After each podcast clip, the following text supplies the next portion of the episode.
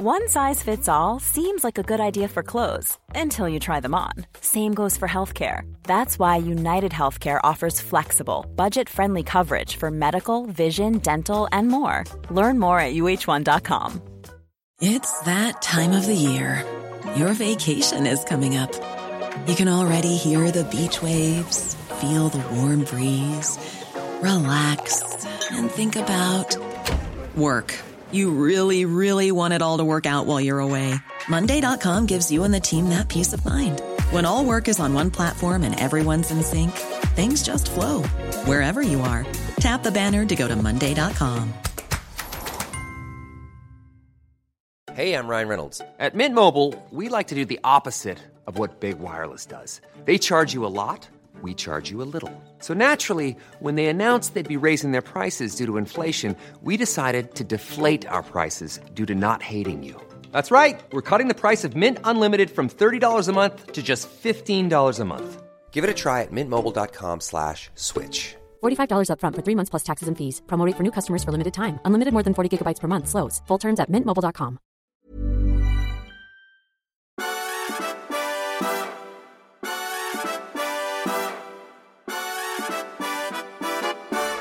Ja, god morgon. Hej! Hej. Är du vaken? Ja, jag är vaken. Jag, eh, om jag inte hade varit det så hade jag, hade jag blivit vaken av att läsa tidningarna i morse. Det, Okej. eh, den stora kröningsångesten som har spritt sig bland journalister. De måste rapportera om det här. Men vad fan ska de säga? Det är så hemskt. Egentligen. Ja, ja. Det är roligt. Eh, Jag kom, vet du vad, vet du vad det kom, fick mig att tänka på? Nej. Du kommer ihåg Hans Zetterberg, sociologen. Eh, svensk sociolog. Som, han startade ju SIFO och sådär bland annat. En banbrytare på många sätt. Han, han hade liksom ett livsverk där han, han försökte beskriva samhället. Och då, då sa han liksom att ett fungerande samhälle har olika sfärer. Du kan allt det här. Men jag Ja. berättar för våra lyssnare som inte Ja. kan det. Ja.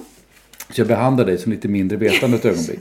Nej, jag tycker inte att våra lyssnare är lite mindre vetna. Nej. Nej. Men han, han beskrev då samhället. Ett fungerande samhälle har olika sfärer. Man har till exempel politik, man har religion, man har ekonomi. Och alla de här sfärerna har liksom sitt eget sätt att, att eh, eget språk, det finns en egen logik, eh, allting sånt där. Och om man, om man förenklar samhället för mycket, om man till exempel börjar resonera om allting som om det vore ekonomi, så, så tar man död på samhällets mångfald. Och det är där som jag, det kommer jag att tänka på, för att det, det som är så slående när man läser nu i tidningarna, eh, ja, kanske framförallt DN därför att de är som de är, eh, är att de har inget språk för den här typen av, av tillställningar. Utan de kan bara prata om det som politik. Och det är lite grann som om man skulle bara göra kulturjournalistik utifrån ekonomi. Eller bara sportjournalistik utifrån estetik. Eller liksom. ekonomi utifrån kultur, det vore ju kul. Ja, jag menar, det, alla de här aspekterna är ju intressanta. Men det, man missar liksom lite huvudpoängen eh, med, med, hela, med hela övningen. Och då vill du komma till, vad, vad är monarkin för samhällssfär? Vad uttrycker den och vad är betydelsen hos den? Alltså, det, det, är just, det är inte lika lätt att uttrycka som till exempel ekonomi och sådär. Men, men jag skulle ju säga att det handlar ju om just om, om, om, om historia. Historia och, eh, och eh, de här mest grundläggande gemenskaperna som vi sen bygger politik och ekonomi och allting annat på. Eh, och det är ganska intressant att se hur nästan, det skrivs nästan ingenting om, om eh, den här långa traditionen eh, av monarki som har traderats, som just bär historien. Utan det skrivs liksom om Charles, eh, eh, även de seriösa medierna, som morgontidningarna, skriver om kungahuset som om de vore skall, skvallerpress. För de kan inget annat. De skriver om liksom, hur är det med Harry, hur är det Vem, med vem Camilla? är Charles egentligen? Ja, och precis. där saker. Men det, det är ju samma diskussion som du och jag hade här i podden när Mm. det gällde de här dokumentärerna om Sveriges kung. Ja, just det. Som precis. var, Ja. vill du, får jag krama dig kungen? Ja, just det. Ska, vi, ska vi äta middag nu? Ja. Har vi blivit kompisar? Ja, Den här valhäntheten, den här oförmågan, den liksom resulterar i att det handlar om de som skriver och inte om det de skriver om. Ja, det blir så till slut.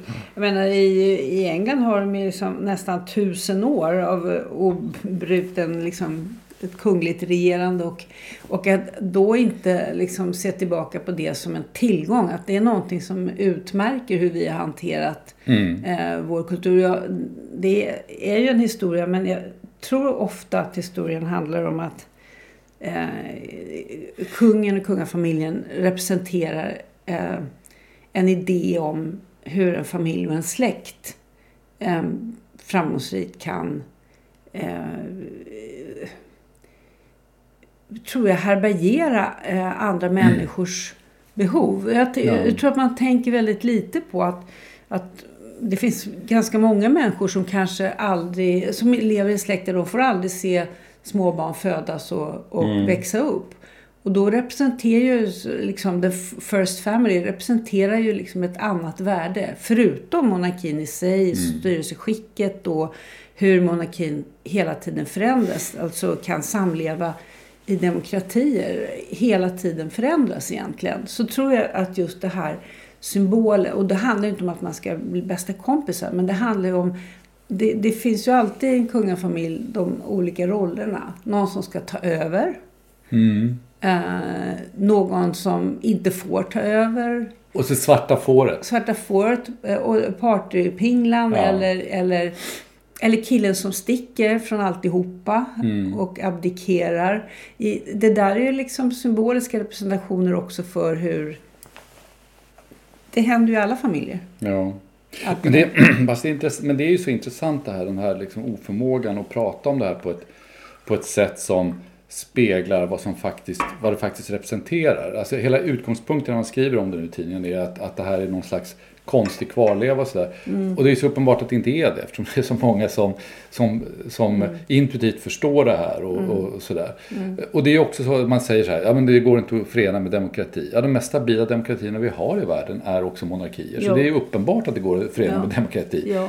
Eh, men det, men det, det, det finns en väldig jag vet inte, det finns en, en o, jag tror faktiskt inte att det är ett ointresse därför att det är ju det som också är lite jobbigt för de här människorna i medieklassen. Eh, det, det, är ju att, att de, de är intresserade, de kan inte låta bli. De är människor som alla andra, de förstår att det här är intressant. Att, att den här mm. kopplingen till historien och den här symbolfamiljen eh, är intressant. Det är bara det att de, de kan inte liksom riktigt hantera att det är så. De, de, de, de, kan inte, de kan inte förmå sig att förstå varför det är så. Nej. Och då tycker jag att de borde dra slutsatsen att alltså, det är ingen merit att inte begripa någonting. Då borde de dra slutsatsen att det är någonting de har missat. Men istället så drar de hela tiden slutsatsen att det är någonting som kungahuset har missat. Ja, eller ja. andra har missuppfattat. Det här ja. är inte så viktigt som folk, du tror. I grund och botten, folk är, är så dumma att de ja. inte... Vi skriver om det trots att det inte är så viktigt som du tycker att det är.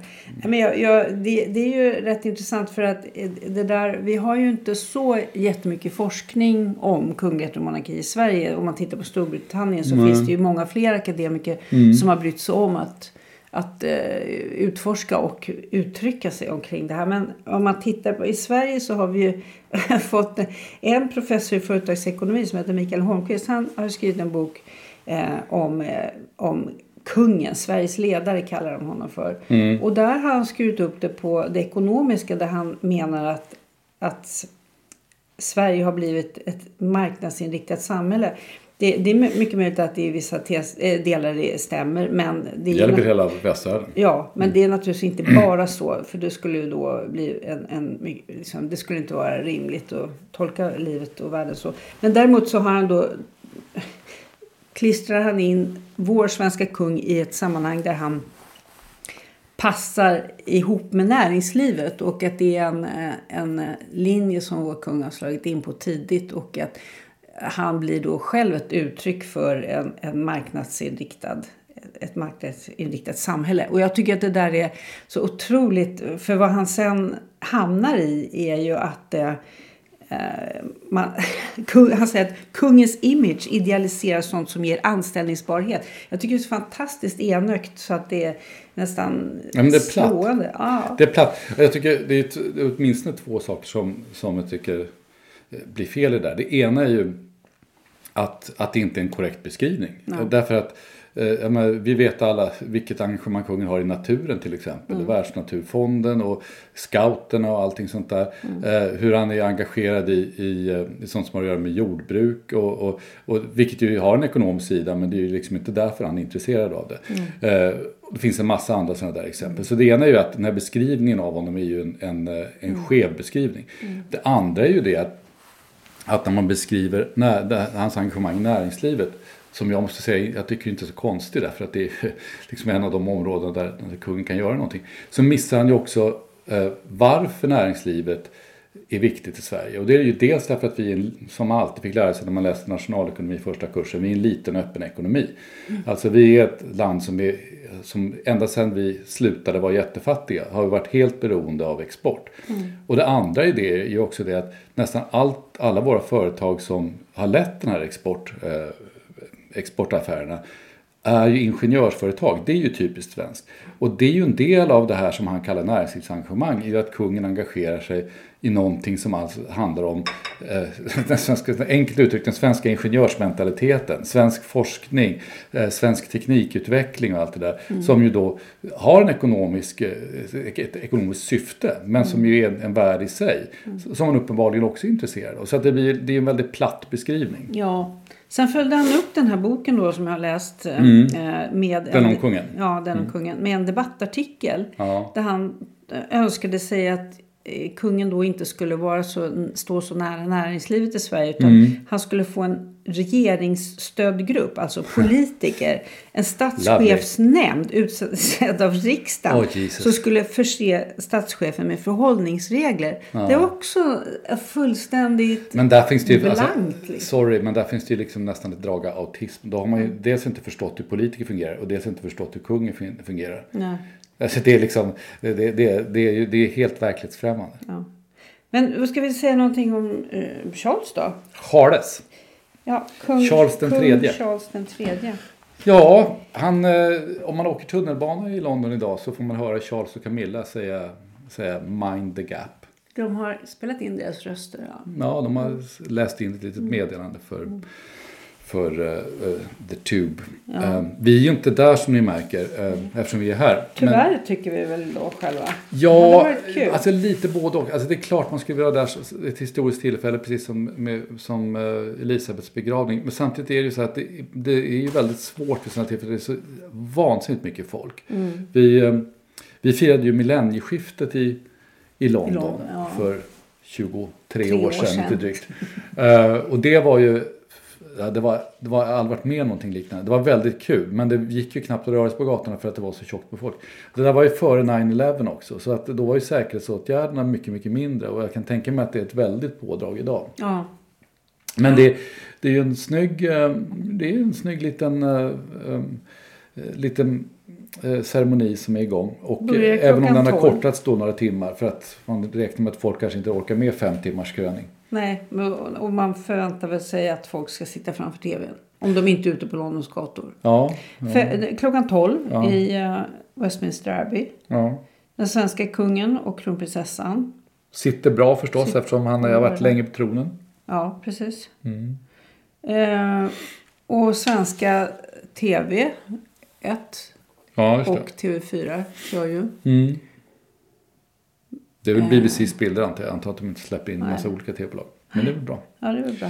Nej men det är intressant. Jag tycker det kan vara värt att titta på. Det här är liksom en historisk tilldragelse. Man behöver inte jag få det att handla om om man är för eller mot monarki.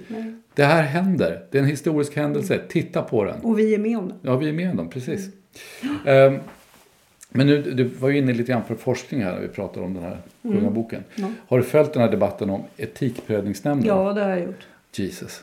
Är det inte? Alltså det finns då en etikprövningsnämnd som ska pröva eh, forskning. Om man, man har ett forskningsprojekt så ska man lägga fram det för etikprövningsnämnden som sen då kommer att avgöra huruvida det överensstämmer med, med eh, forskningsetik, god forskningsetik eller inte.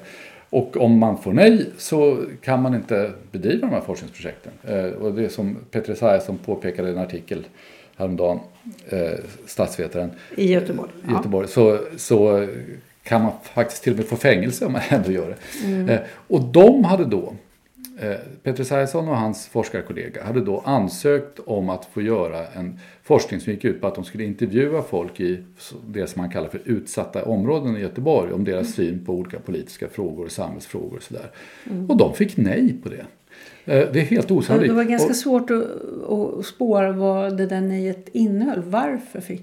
Ja, alltså, det mesta sånt här brukar ju handla om integritetsfrågor. Eh, Så antagligen var det någonting sånt. Men det, det låter ju väldigt långsökt. Eh, Så de har, det finns då en överinstans, de har gått dit, fått överprövat och det, då, då fick de ja. Men då har det liksom gått några månader som de har förlorat i forskningstid. Idag kan man läsa i, i någon av tidningarna, det var nog DN tror jag, en debattartikel där ett annat forskargäng säger att de har också fått nej. De vill forska på humorns roll i politiken. Och då fick de från Etikprövningsnämnden beskedet att... Ja, det var det inte går, roligt. Jo, nej, men det går bra, men de måste fråga personerna som, vars, som de använder som exempel om de får göra det. Så till exempel om de ska använda Donald Trump mm -hmm. så måste de skicka en blankett från Etikprövningsnämnden till Donald Trump som han ska fylla i och säga ja du får använda det där.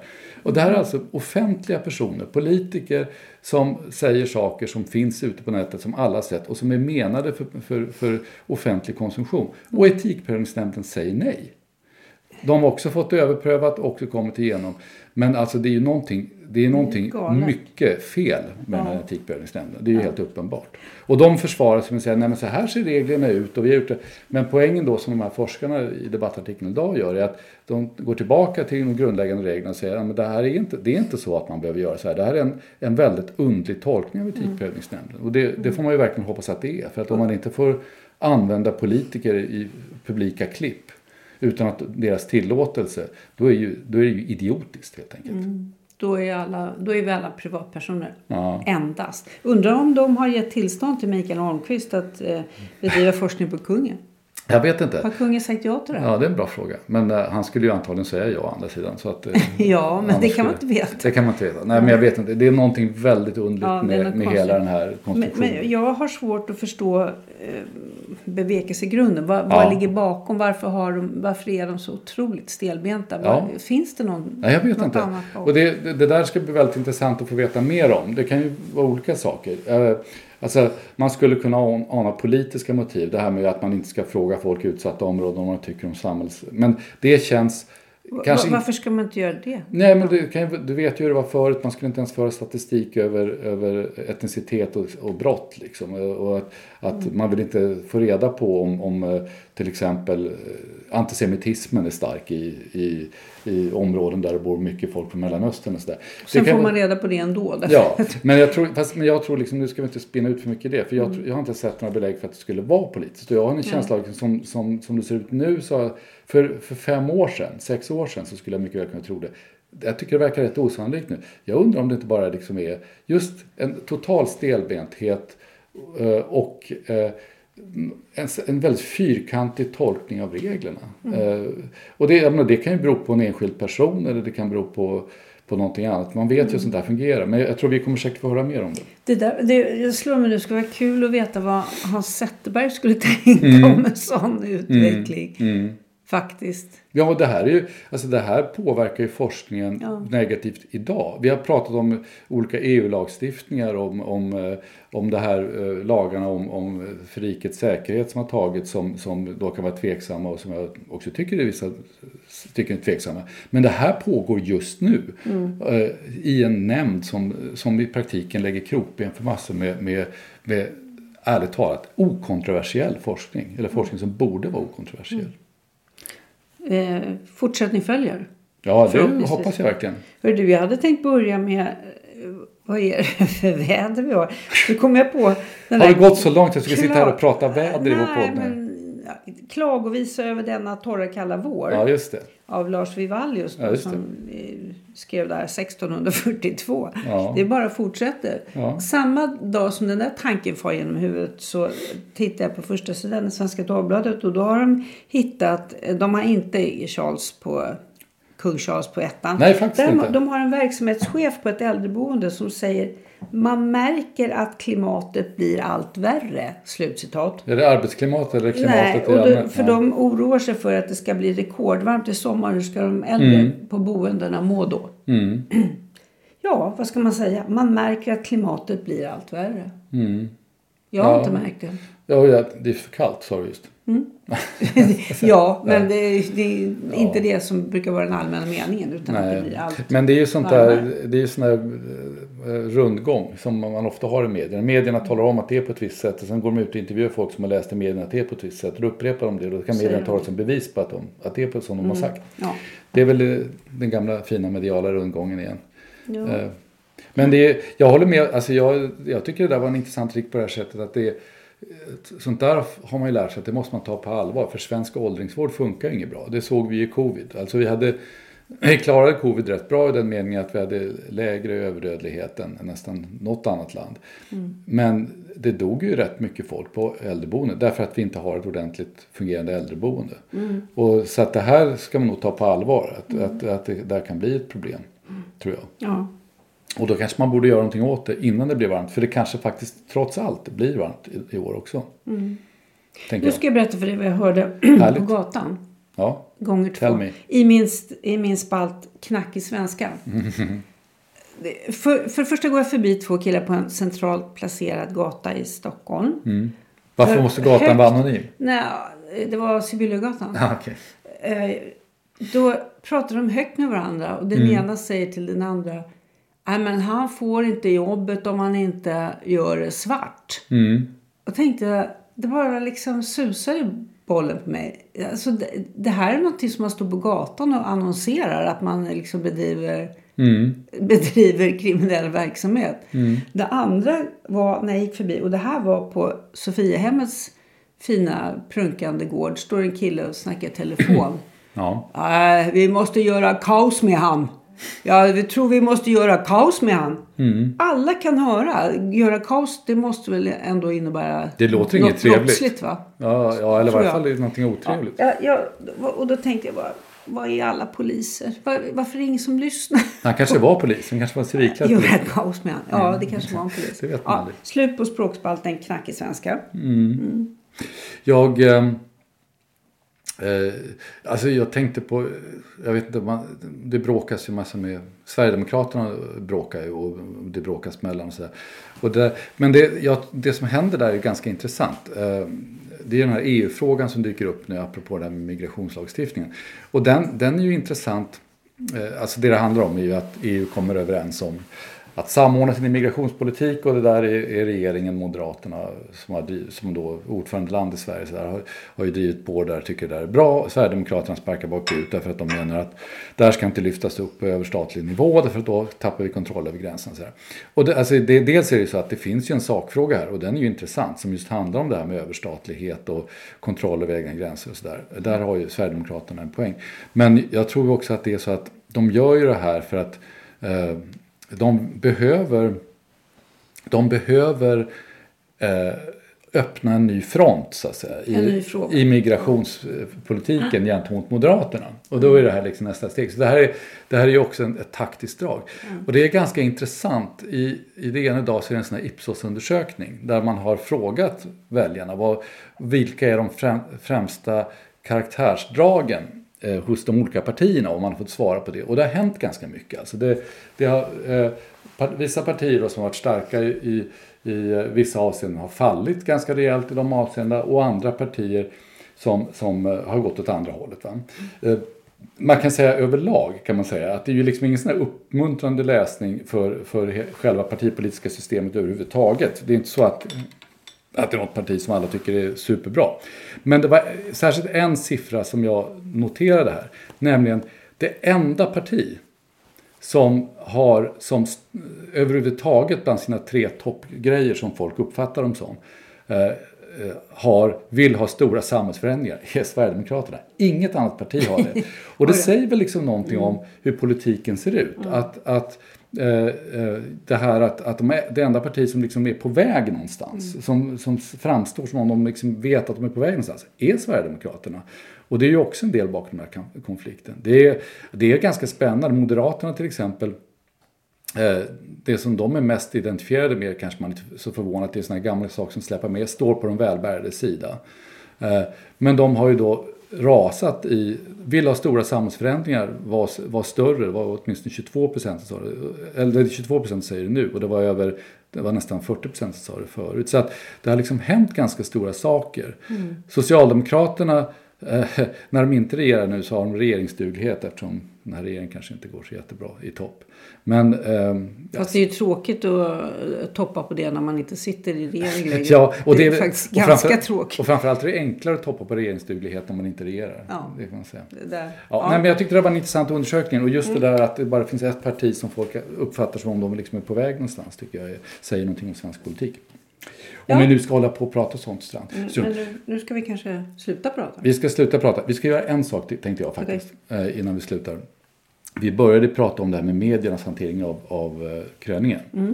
Och det, så mycket kan vi väl avslöja att, att eh, de närmsta, ja vi kan nästan säga månaderna, över sommaren här så kommer vi i Fokus att skriva några artiklar om om klass och Om klassamhället. klassamhället, och, och, och, och där vet jag, eftersom jag har smygläst det som du har skrivit, eh, att du kommer att beröra lite grann det Mm. du kallar för vad då?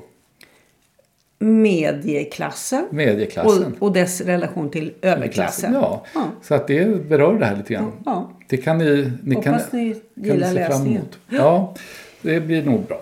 Det blir bra. Vi säger så tycker jag. Ja, vi ska, vi ska flyga till Skåne nu så att nu måste vi stänga Så butiken. Nu måste vi säga hej då. Ja, bye. Bye.